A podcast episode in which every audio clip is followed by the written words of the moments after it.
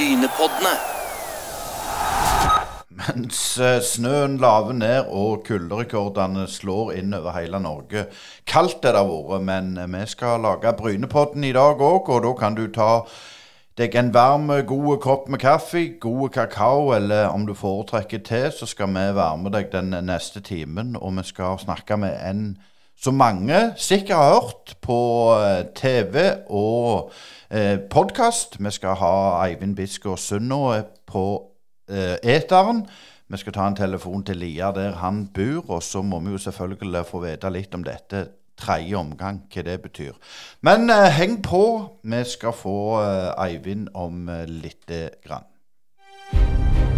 Du hører nå på Brynepoddene, en uavhengig og litt dypere podkast som gir deg lyden av ekte sport.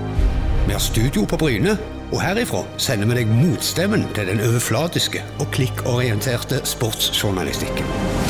Gå inn og se i vår nettbutikk på Bryne Paddene med dobbel A, punktum. Og følg oss i sosiale medier. Vi skal selvfølgelig ha en god kar som gjest i dag, som vi snakket om eh, i introduksjonen. Og å uttale en bandalittnavn det er ikke alltid like lett, men jeg prøver Eivind Bisgaard Sund nå. Uh, var det riktig, Eivind? Ja, ja. Det var helt det var rett i krysset vet du, på første forsøk. Det er bra. Eh, Det, det, blir liksom Å vet du, på slutten når det er sundet. Men eh, i Mandal så blir det sånn Sunnå. Så det, det var veldig bra. Ja, bra. Da er vi, klart eh, å komme godt i gang. Men, men du er jo oppvokst i Mandal, som du sier. og, og jeg har lyst til å begynne rett og slett med fotballkarrieren din i, i Mandal. Fortell om uh, hvorfor ble det fotball, for, for du er vel far av, uh, nei, sønn av en, av en lastebilsjåfør? ja, jeg er det. Nei, han var jo så lite hjemme, så jeg måtte jo drive på med litt uh, forskjellige ting. Altså, var det, det var faktisk sånn at uh, jeg hadde, når jeg var liten, så tok det litt tid før man begynte i barnehage, vet du. Så jeg hadde dagmamma. Og De bodde i nabohuset, og han som var mannen i huset, der, han spilte på A-laget til MK. Så det var første gang at jeg liksom ble med på, på fotballkamp og sånn. Da Og så mm, Da ble jeg interessert i fotball, og så har det egentlig Jeg er jo fra en fotballfamilie. Min bestefar han pleide å gå på alle MK-kampene. og og så når, eh, når, jeg skjønte etter hvert at han, han gjorde det, så at vi var veldig interessert i, i, fotball. Og så var det jo i Mandal så var det friidrett og fotball. Jeg drev med begge deler. Så var det vel fotball jeg syns jeg var best i etter hvert. Og så ble det å spille der, da. For, eh, for MK. Jeg var jo i en sånn generasjon der med en som har spilt i Bryne, bl.a. Inge Nilsen. Um, og da ble vi et ganske bra lag, og den gjengen som jeg spilte med, var jo den samme gjengen som da tok MK fra fjerdedivisjon til førstedivisjon. Så, så det Fotball i Mandal var veldig stort uh, på den tida der.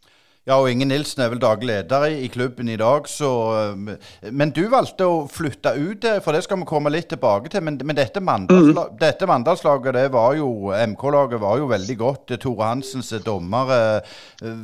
Var vel du òg og, og, spilte litt med Men når du ser tilbake, hva var det som var så spesielt? Hva var det som klikka sånn? Eh, nei, det var mange ting som, uh, som klikka for Mandalskameratene akkurat på det tidspunktet. der. Det, det, ene var at den generasjonen som jeg var i, vi trente masse og spilte masse. Så det var en fire, fem, seks Jeg tror det var altså den 78, 79, 77, den gjengen der. Så tror jeg det er sånn åtte-ni spillere som til slutt endte opp med A-lagskamper for uh, Mandalskameratene. Og, og det, var egentlig, det har jo ikke vært vanlig etterpå. Det var ikke vanlig før på en måte alle kom seg opp til, til førstedivisjon. Men så var det en, et engasjement rundt klubben som var helt unikt. Det var en som heter Rune Lone, som uh, var en sånn altmuligmann, ildsjel. Uh, som hadde store drømmer om hvordan MK skulle ta en plass i fotballverdenen. Og det var uh, vel noe som veldig få i Mandal hadde trodd var mulig, men han, han ble en sånn figur som som fikk alle til å tro at ting var mulig. Og så var det en som het Øyvind Skoie, som var en sånn lokal forretningsmann, som òg på en måte var med på den uh, tankegangen der. Og så var det et par andre som var i liksom støtteapparatet rundt MK som tenkte at ja, kanskje det, det er mulig. Og så, så var, det en, uh, var det en plass på Sørlandet som var ledig da, for klar, klare nummer én-laget, men det var ikke noe sånn klar og det, eh, det, tok MK ganske kjapt eh, på slutten, nei, på, på slutten av 90-tallet og i begynnelsen av 2000.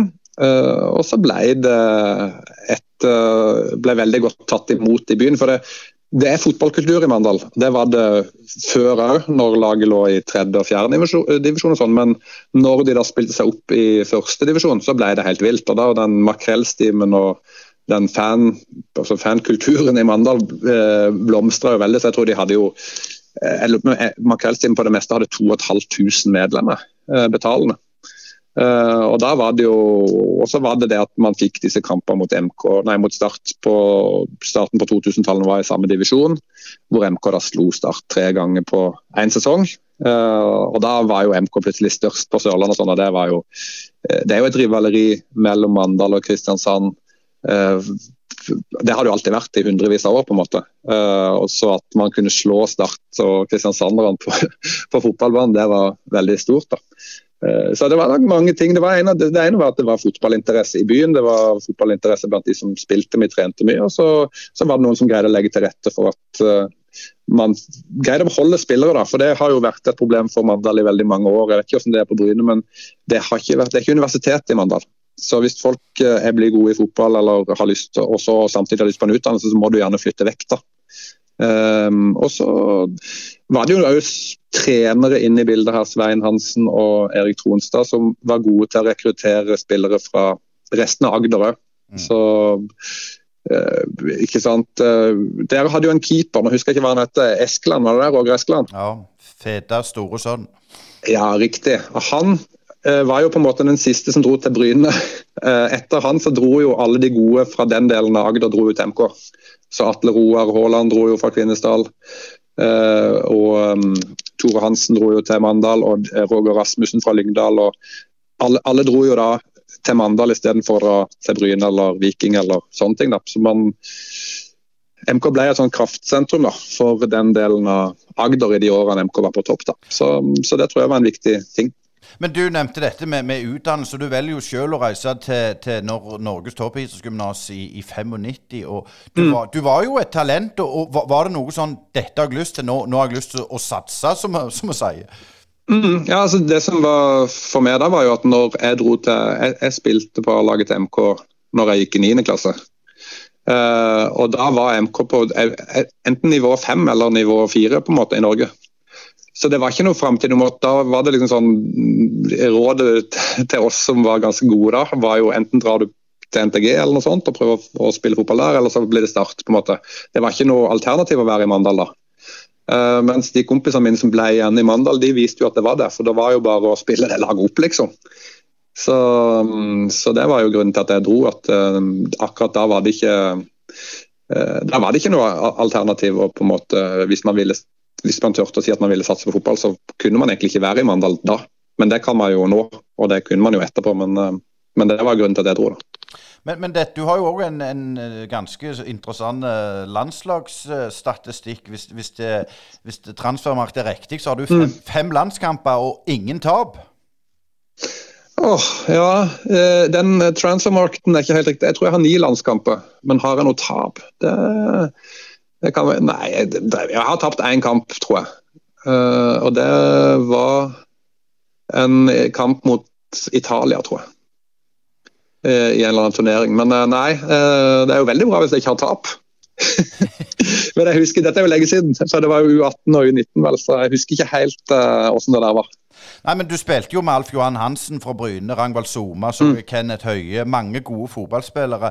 Men da, mm. i denne tida her, hva tenkte du da? For du, du, tar noen valg etter hvert så, som gjør mm. at, du, at det renner ut i kålen, på en måte?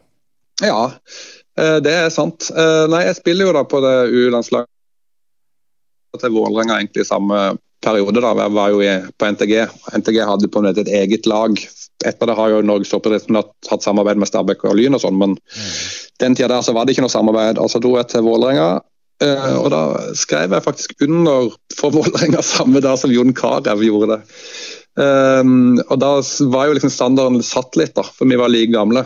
Um, og han var, ble jo sinnssykt god. Uh, Jeg havna nok litt i skyggen av Jon, kan du si, i, i Vålerenga der. Og så, så greide, Jeg greide ikke å kjempe meg inn der, og det var jo den perioden hvor Vålerenga vant cupen og spilte Europacup og sånn. Eh, og så var det vel egentlig, tenker jeg, hvis jeg ser tilbake og som hva gikk galt, så var det jo valget når jeg dro fra VIFT, på en måte. Da tok jeg, dro til Skjetten, som var på Obos-nivå, da. Um, og da burde jeg nok kanskje ja, da burde jeg kanskje tatt et uh, finne meg et annet uh, For det var en nyopprykka klubb og sånn. Så da burde jeg nok kanskje gått et annet sted uh, akkurat da. og så var det litt sånn, ja. Men jeg tenkte jeg skulle spørre sånn, Vi hadde jo uh, Tore André Flo. Han, han, sånn som I dag sier han at de tar så lite tid. Han spilte jo på, på, på Stryn da han var 20, og vi så jo hvilken fantastisk karriere han fikk. Overført til dagens ungdom, er de like mm. utålmodige i dag med dette akademiklassifiseringsopplegget? Ja, Det er jo litt vanskelig å si. Jeg tror jo at uh, det er mye mer profesjonalisert og, og, sånn, da. Så jeg tror jo at for Og så tror jeg at uh, altså, forskjellen, Hovedforskjellen fra i dag og til når jeg kom opp da i, rundt på slutten av 90-tallet, er jo at Eliteserien har flere lag nå. Det er flere lag i Obos. Uh, så det er flere plasser å spille på. Og så var det jo Samtidig så var jo på en måte eh, Eliteserien var nok rata ganske mye høyere eh, ute i Europa enn det den er i dag. da. Det var nok høyere nivå eh, på en måte. Eh, veldig mange gode spillere fra Norge forsvinner jo eh, ut og blir proffe litt tidligere nå enn de gjorde da. Eh, men jeg tror jo at i, er du kommet opp gjennom et sånt akademi i Vålerenga eller, eller Stabæk eller ja, Lillestrøm Rosenborg nå, så, så er det jo sikkert vanskelig å komme inn i A-laget, men jeg tror fortsatt at sjansen er ganske god for å få en ganske bra sånn karriere. Du kan jo se på Thorstvedt som dro til Viking fra Stabæk, som ikke fikk muligheten i Stabæk. Det mm. har jo gått greit med han, liksom. Så veien fra å være en god junior i dag, hvis man går gjennom disse akademiene, er, er ganske bra faktisk for, for, å kunne lykkes, da. Om det ikke er i den samme klubben. Ja, for du, du, er jo i Skjetten, og så er det litt tilbake til, til MK, og så blir det Bærum igjen, og, så, og Skjetten mm. igjen. Eh, når du reiser fram og tilbake der, er det studiene som gjør dette? Nei, der var det jo, der var jo på en måte, der var det satsing på fotball. Eh, rett og slett. Så Skjetten eh, var jeg noen år, og så gikk jo den, det var jo verdens, nei, Norges rikeste klubb på en periode der, fordi at de hadde disse telefonkatalogene. Hvis noen husker hva telefonkatalog var, så var det jo De hadde jo distribusjonen av telefonkatalog i hele Norge, så de tjente jo veldig mye penger på det. Eh, men på et tidspunkt så, så gikk de konk allikevel den klubben. Um, så da dro jeg hjem til MK, og så var jeg jo der i to år. Uh, og så satt jeg egentlig mest på benken for Tore Hansen, som ble dommer etterpå. uh, og så uh, var det tilbake til Bærum, men da, da, ga jeg egentlig opp. Da hadde jeg på en måte lyst Jeg hadde drømme om å bli, liksom leve av fotball og være proff, men jeg, da hadde det jo vært mange år med å være liksom halvproff. Og du trener jo mye, og du må jobbe mye og, og sånne ting. da. Så da trappa jeg ned når jeg var 26, tror jeg. Eh, så det var vel eh, Det var jo greit nok. Jeg kunne jo ønske at det hadde hatt en bedre karriere. Jeg tror jo talentet mitt, i hvert fall på noen ting, var veldig, veldig bra, da. Eh, så Men nei. Det var, det, jeg var kanskje litt glad i å gå på puben og sånn. Så det, det, jeg hadde nok ikke passa inn i dagens toppfotball, for å si det sånn. Men det ble jo en del Obos-ligakamper tross alt, så helt, helt gale var det jo ikke?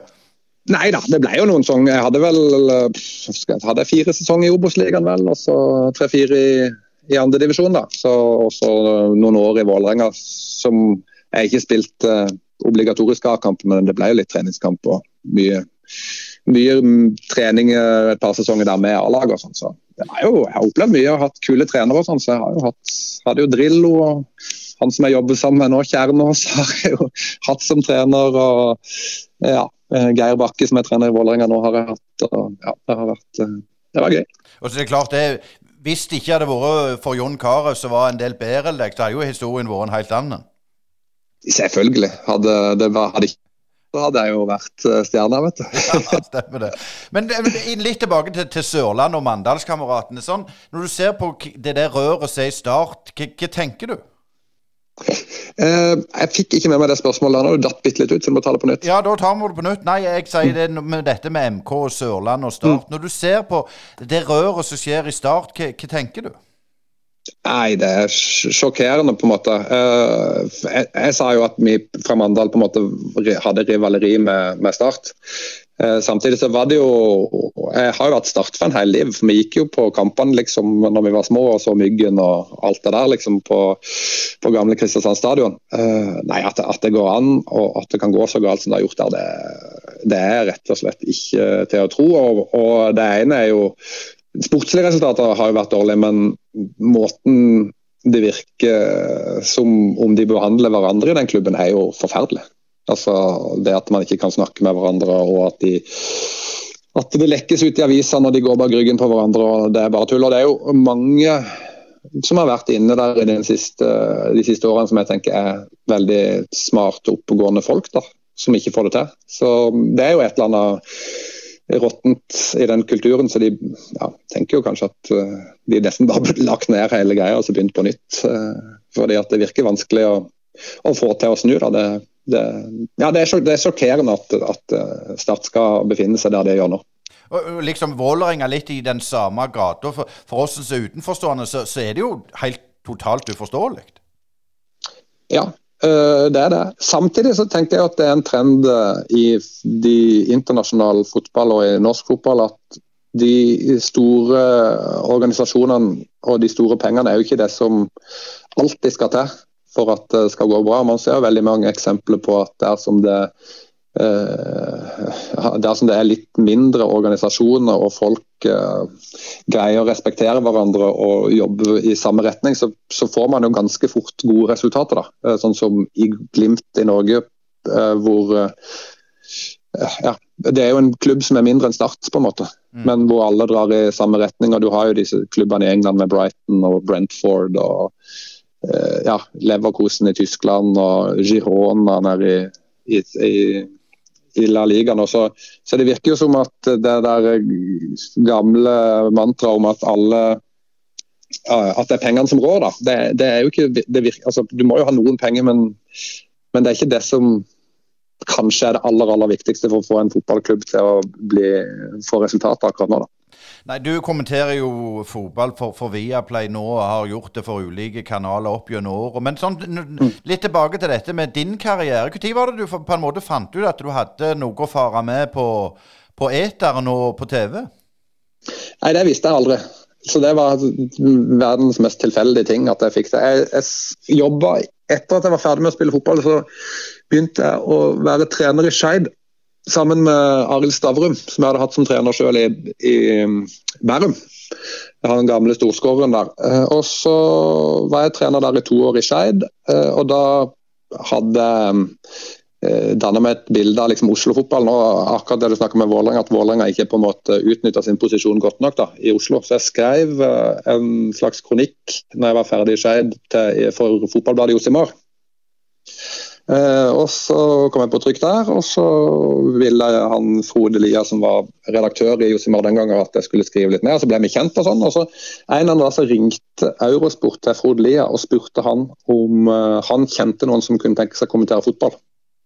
Fordi, fordi de trengte folk, liksom. Og så sa han ja, da får jeg ringe til Eivind, da. Og så ringte de til meg, og da satt jeg på fødestua faktisk, på Bærum sykehus, og nettopp uh, dattera mi ble nettopp blitt født. Uh, og så jeg det høres gøy ut, men uh, derfor ringer vi tilbake om en måned, liksom, fordi at det passer litt dårlig nå. Så ringte de en måned senere, og så dro jeg opp og gjorde en sånn prøvejobb, og så sa de ja, OK, du får bare bli her, liksom. Og så var jeg plutselig blitt uh, kommentator. Så da var jeg en fotballkommentator, da. Men det, det, var ikke noe jeg hadde trodd jeg skulle bli, eller um, jeg hadde egentlig alltid trodd at i hvert fall det med sørlandsdialekter som kom til å det har jeg tenkt ofte at, eh, at eh, det er lite sørlandsdialekt på, på, radio og TV, så jeg trodde ikke at det skulle liksom være noe folk ville ha. da. Men uh, nå har det nå gått greit, så, så jeg er happy. Og har jo holdt gående nå i elleve år, da, for nå har jo blitt elleve, dattera mi, så, så det er greit.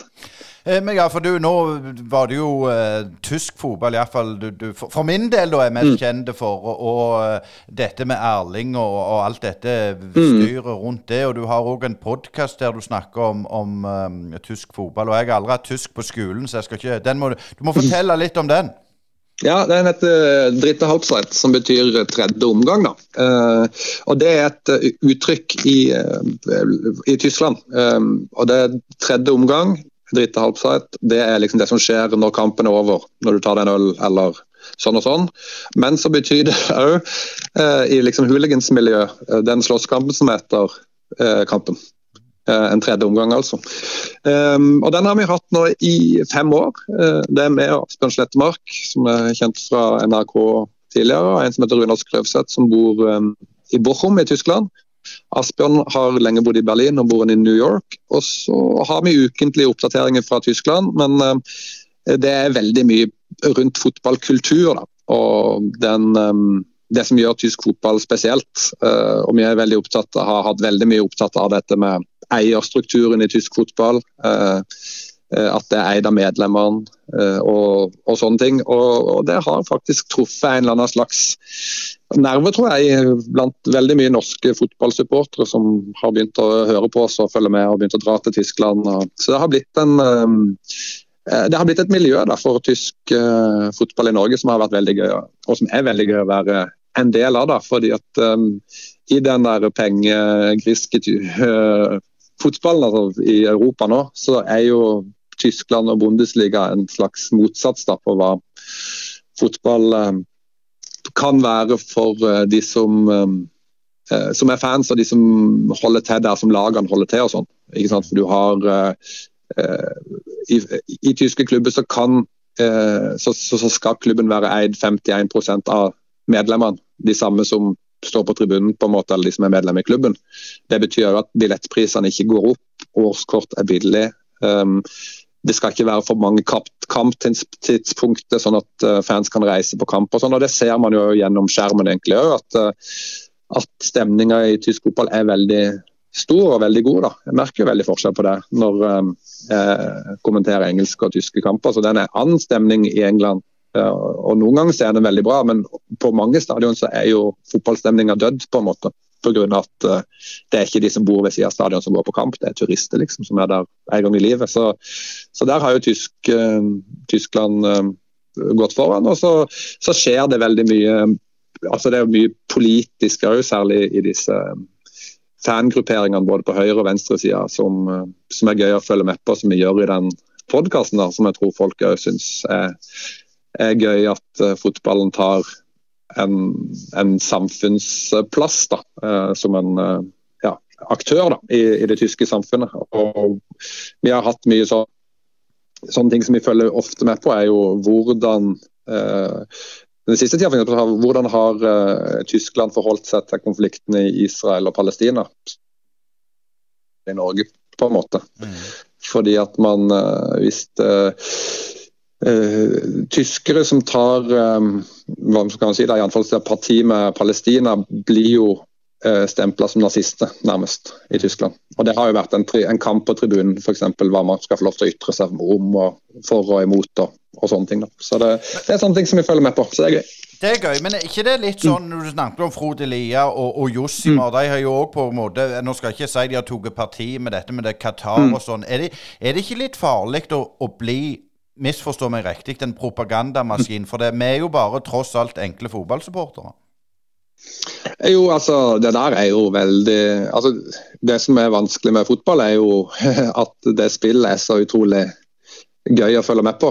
Uh, men så virker det jo som at det er veldig mange involvert baki der som har uh, ja, andre baktanker med hvorfor de ønsker å, å være involvert i fotball. Uh, så, så der, men derfor er jo egentlig tysk fotball synes jeg, ganske greit å forholde seg til. Fordi der minner jo tysk fotball veldig mye om det som er i Norge. da, At idrettsforeningene på en måte er en del av samfunnet som det som det er i. da, Mens eh, f.eks. i England så, så, er det jo et selskap som eier en klubb. Og så gjør de egentlig med den klubben som de vil, og de som kommer og ser på kampen er kunden til den klubben. da. Uh, uh, så, og, og, så har de kanskje et politisk budskap, disse eierne, som de ønsker å få ut òg. mens i, i Tyskland så er jo det budskapet det som årsmøtet bestemmer seg for. da. Men, men, det du sier, at du merker mm. en stor forskjell på engelsk og tysk fotball på akkurat det? Ja, det er det jo ikke noe tvil om. Altså, eierstrukturen er jo, helt, eh, er jo veldig, veldig forskjellig. Altså, ja, ja, så, de, ja, det er sant, men jeg tenker litt sånn måten du på en måte oppfatter klubben for at, at det er en, en, altså Hvis du kommer inn i døra på Anfield eller, eller i, i, Dortmund, så, så, er det på en mm. måte litt forskjellige mekanismer som trer i kraft når du går inn døra. Er det sånn å forstå? Ja, det vil jeg jo si at det. Eh, det, det er det, men, eh, men, mer det som skjer eh, på tribunen, egentlig, tenker jeg, er den største forskjellen. I den fotballkulturen. Jeg tenker, En klubb er jo en klubb uansett, for de må jo ha folk som er ansatt i visse posisjoner for å få ting til å gå rundt. da. Mm. Så når jeg kommer som en, presse, en representant for pressen i Dortmund, så er det jo en så er det jo personen der som er der for å ta seg av med på vegne av klubben. Og det samme er jo Manchester City òg. Um, så der, Jeg merker ikke sånn veldig forskjell på det, men merker, jeg merker veldig forskjell på, uh, på involveringa uh, på tribunen. da. Det gjør jeg. Men, men det du, du, er inne på dette med City og Haaland har jo vært mm. både i Tyskland og England, og dette med eierstruktur og mm. sånn. Litt tilbake Der har jo på en måte du hatt litt tydelige meninger. Jeg, jeg har alltid mm. tenkt på det er, er, Det er jo ikke farlig, farlig å ha meninger, men, men mm. er det ikke mer komplekst eller, eller svart-hvitt? Uh, jo, altså Jeg har Jeg tenker jo at når eh, du spiller fotball eller eh, er fotballutøver, da, sånn som jeg hadde, har vært sjøl, så vil du jo spille på det beste laget. Og du vil ha det beste opplegget rundt deg, og du vil vinne mest mulig. Uh, og Da tenker jeg at det er jo uproblematisk. Jeg, jeg, altså, jeg tenker ikke at det er noe problematisk å spille for Manchester City i den, i den situasjonen som fotballen er. Det er jo en aktør i, i fotballen. da. Mm. Uh, så det tenker jeg jo ikke er noe problem. Men det er ikke noe farlig å diskutere uh, hva, er, hva er formålet med at uh, et land i Midtøsten skal eie en klubb i Premier League. Liksom. Det, hva, hva, er tanken bak det? Det må jo gå an å diskutere. Men, men, det er jo egentlig to vidt forskjellige ting. fordi at det som skjer på Mørta, det, det grønne spillet om den ballen, er jo veldig fascinerende i seg selv. Og at og en spiller får spille for Pep Guardiola, som er verdens beste trener. Mm. Det tenker jeg eh, jeg, jeg, tenker jo at eh, Manchester City Jeg tenker at de representerer liksom noe veldig grusomt. Uh, mitt, mitt inntrykk det kan være at ett av feil av, det at liksom, jeg tror ikke ja, jeg tror ikke de som eier Manchester City går rundt og dreper folk, f.eks. Eller sånne ting, liksom. Eh, men eh, at de har en interesse av å være i, i fotballen, som ikke er bare at de skal spille fotball, jeg, tror jeg jo alle er innforstått med. Altså At det er noe sånn eh, sportsvasking som skjer, det, det, det tror jeg det er jo ikke kontroversielt å si. Da tok vi bare en ørliten pause. Mm. Litt, litt dårlige linjer. Det er langt til, til Lier, vet du. Ja, det er det snør her, vet du. Ja, Da stopper jo østlendingene, det vet ja. du. Altså. Men, men, men, vi snakker jo om dette med, med, med City og hvitvasking. Og, mm. og, og, og, men den debatten, hvordan syns du den har vært i norske medier? Har vi vært flinke nå?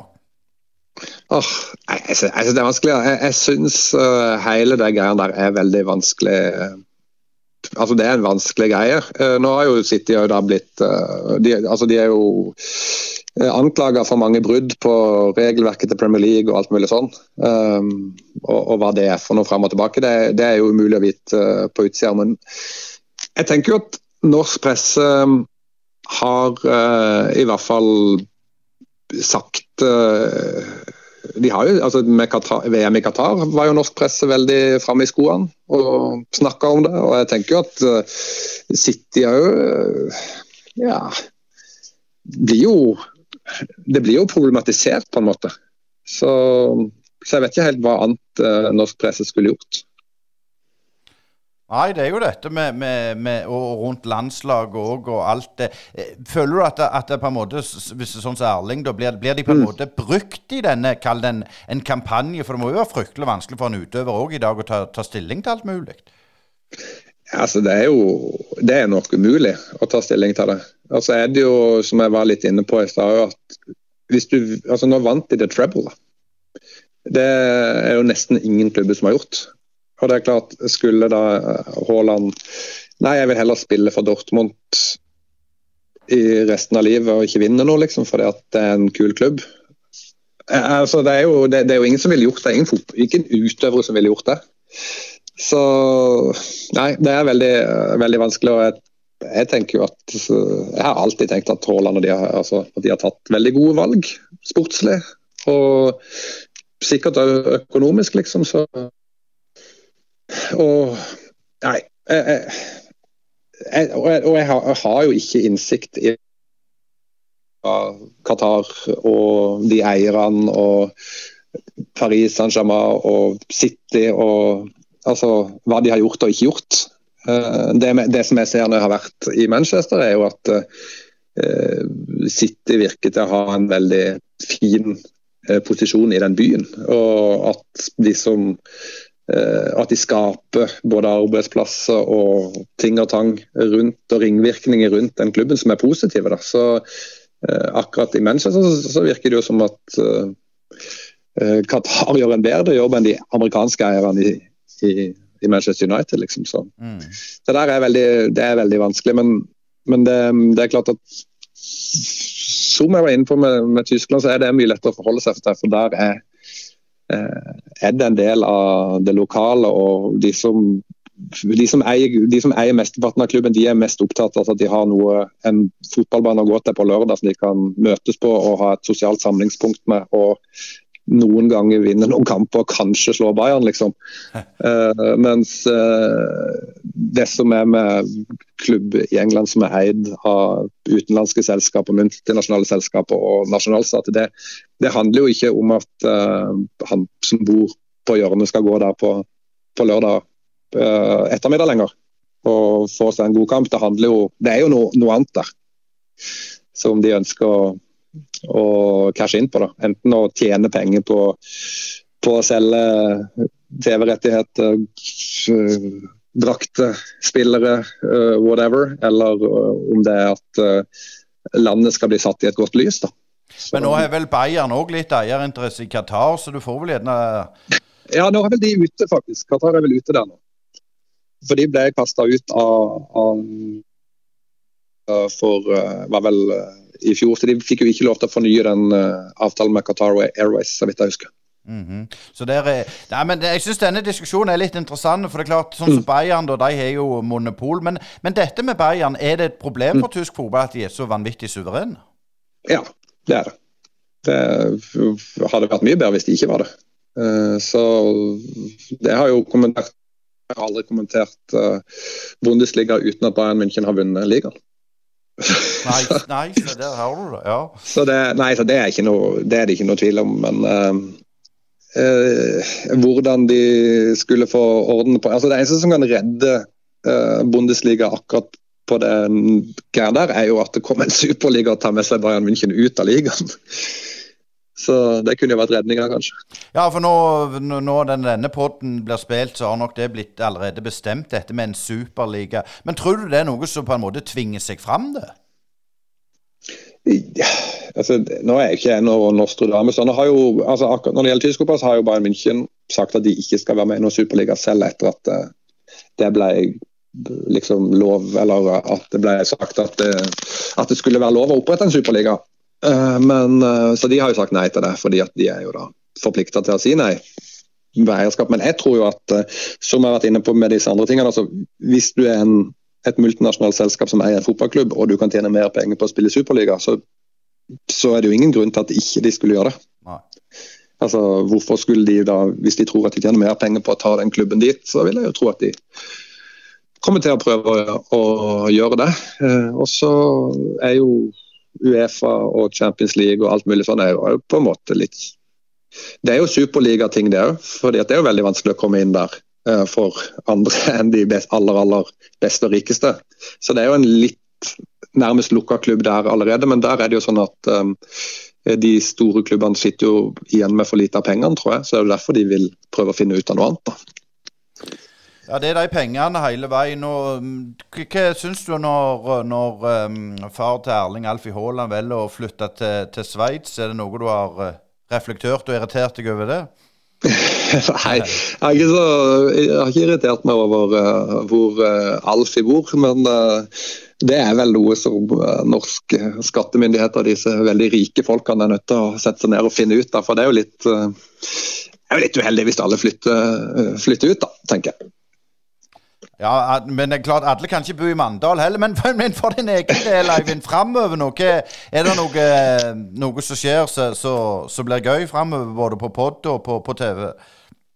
Uh, ja, nei, altså Det blir jo mye Premier League, tror jeg, framover. Så det jul, skal jo ha mye i jula. Så jeg, gleder meg til det, faktisk. Um, uh, første skikkelige jula for meg med, med Premier League. Uh, så det blir vel tre-fire kamper, tror jeg. Så det, det, blir, det blir, gøy. Men ellers er det eh, Jeg syns jo at eh, den tyske ligaen nå, nå eh, er jo ganske gøy, må jeg si. Med at du har Leverkosen som leder og er veldig gode. Ikke tapt ennå denne sesongen. Så jeg tror at de kan vippe ned Bayern denne, denne sesongen her, faktisk. Det har vært, de har vært veldig imponerende nå. Men nå er det jo en Lyngdøl som spiller i Bundesliga, og flere nordmenn og mm. Erling har vært der. og sånn. Hvor, hvor, har du merka at interessen har økt etter, at de nordmennene har kommet til? Altså, med, jeg har merka veldig at det er sånn veldig stor interesse rundt um, tysk fotball i og med at vi har den podkasten. Jeg merker at folk uh, blir stoppa på gata, liksom, at, de, at, folk hører på det. Og vi ser at vi har ganske bra lyttertall på det. Uh, men når Erling var der, så var det jo helt vilt. Altså, det var jo Han var jo et uh, Eh, ja, han er et fenomen, da. Og det var han jo fra dag én der, når han skåret hat trick i debuten, liksom. Eh, da, han skrev jo under hva det er i romjula da, for uh, tre-fire år siden. der. Uh, og da uh, husker jeg at jeg sa, når jeg så at den overgangen kom, så sa jeg til kjæresten min at nå blir det liksom, nå blir det noe greier her, for nå skal han plutselig til Dortmund. Og det, han, og da, da så hun ikke noe mer med den dagen der. For da ringte telefonen i ett kjør etter at det var klart, liksom.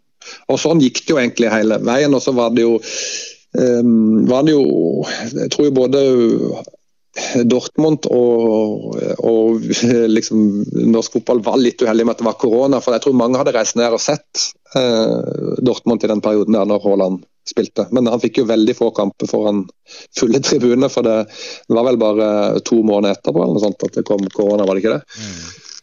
Så, mm, så, det var veldig spesielt. Men da, da var jo interessen enorm for tysk fotball, uh, var mitt inntrykk. Men den uh, dalte veldig fort etter uh, Det var mange som ikke skrudde på Dortmund-kampen når han dro, da. Mm. Men litt avslutningsvis med, med Premier mm. League. Um, Sjoboslai og, og, Liverpool, mm. derfor jeg nevner det navnet. For det er vel en mm. liten historie på, på, på deg og rundt den spilleren som jeg syns var litt Den må vi trekke litt fram. Ja, den, eh, jeg kom litt uheldig ut der. Altså. Nei, han er jo en spiller som jeg har sett veldig mye i, i Tyskland. Og egentlig i, i Leipzig, nei, i Salzburg. Han spilte jo sammen med Erling Braut Haaland i Salzburg. Mm. Og jeg kommenterte jo de en del der det året. Uh, og, så, og så skulle han til Liverpool, og så ble jeg ringt opp av Nettavisen rett ah, Det var jo, skjedde jo rett når sesongen var ferdig.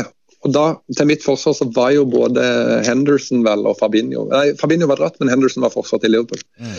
Og Så var det noen som, så spurte de meg da hva jeg trodde om den overgangen der. Uh, og så sa jeg og det skal jeg jo ha til mitt forsvar nå, jeg, du, jeg kjenner at jeg er på defensiven her. Ja. Uh, at, uh, at, jeg sa veldig mange positive ting om ham. Han løper mye, han har en veldig god fot og sånne ting. Men jeg sa at jeg tror ikke han passer inn i Liverpool, for jeg tror at eh, jeg kan ikke helt skjønne hvilken posisjon han skal ha. For i, eh, i Leipzig så spilte han kant, uh, og Liverpool, han, han, kunne ikke konkurrere med Sala, på en måte. Det skjønte jeg. Mm. Uh, og de har et par andre gode kantspillere der med Louis Diaz og sånn. Og så hadde um, Så var det jo egentlig ikke plass, for kapteinen til Liverpool spilte jo på høyre indreløper. Og så trengte de egentlig en, en sentral, dyp midtbanespiller, men det er jo ikke han Sobosolai. Så da sa jeg jo at jeg tror han maks blir en, eh, en sånn eh, squad player da, i Liverpool. Mange kamper der før, på eh, høsten der, før jeg fikk beskjed om at det var ganske Det var feil. Det var feil. Det var feil, ja. Han har gjort det bra, da. Så det, det er greit å ta feil noen ganger. Det var vel en her lokalt som sa at Erling ble maks Obos-spiller, så det, det, er lov å ta feil. men, men tror du, hvem, hvem, tror du stikker av med, med Premier League-tittelen? ah, nei, Det er jo veldig gøy å se. da. Eh, jeg tror jo fortsatt at eh, City kommer til å være best når, når det er 2024 og han Kevin er tilbake igjen. og mm. ting liksom begynner å, å sette seg for dem. Jeg syns at det de har, er det defensive strukturen. og den de har så mange gode defensive spillere som jeg ikke helt ser at de andre klubbene kan konkurrere med. da. Kommer til å ta de igjen i år. Men uh, jeg syns jo at uh, Liverpool har vært overraskende bra. Og Arsenal har jo har vel kanskje vært der de burde være, men fått veldig mange gode resultater. da. Kanskje ikke spilt. Men uh, jeg tror nok det blir, blir tett hele veien. Og de skal jo ikke gi fra seg så mye mer nå, City før uh, det blir galt. og skal jo helst ha Brauten tilbake i form ganske kjapt òg. Skal ikke være så lenge skada han heller nå før at det blir, kan bli vanskelig for dem. Mm, enig i de betraktningene der, Eivind. Eh, tusen takk for du stilte opp i Brynepodden. Og Brynepodden får du hørt på Spotify og alle kanaler. Så må vi jo spørre hvor er det vi får, får inn eh, Dritte Halbseid? Nei, det er på Spotify og alt der hvor du hører eh, podkast. Så um, der er det en, eh, en, ny episode hver uke, så det er bare å skru på. Håper folk eh, eh til og med på Bryne eh, har lyst. Jeg vet at vi har noen lyttere borte på Bryne, så, så, men vi kan eh, sikkert ta enda flere. Jeg håper du har kost deg med oss i denne podkasten. Og hvis du syns det var gøy å høre på, så må vi jo alltid eh, si at du har mulighet til å støtte oss på Facebook-sida vår. Der har vi en egen abonnementsknapp. Trykk på den, så er du med og støtter oss med ti kroner per måned. Den kan du når som helst uh, trykke av hvis du ikke ønsker å støtte oss eh, mer. Men ti kroner per måned, altså. Eller så har vi VIPS nummer 610828. 610828. Og de pengene går til drift av podkasten. Eller hvis vi er så heldige å få noen som vi må betale litt for, for det er jo mange der ute som trenger støtte av idrettsutøvere òg. Det er ikke bare millionærer som vi snakker med. Men det var det vi hadde i Brynepodden i dag, og håper som sagt at du har kost deg med tilbake neste torsdag. Og til den gang, på gjenhår. Mitt navn er Øystein Nygaard, og takk for nå. Brynepoddene.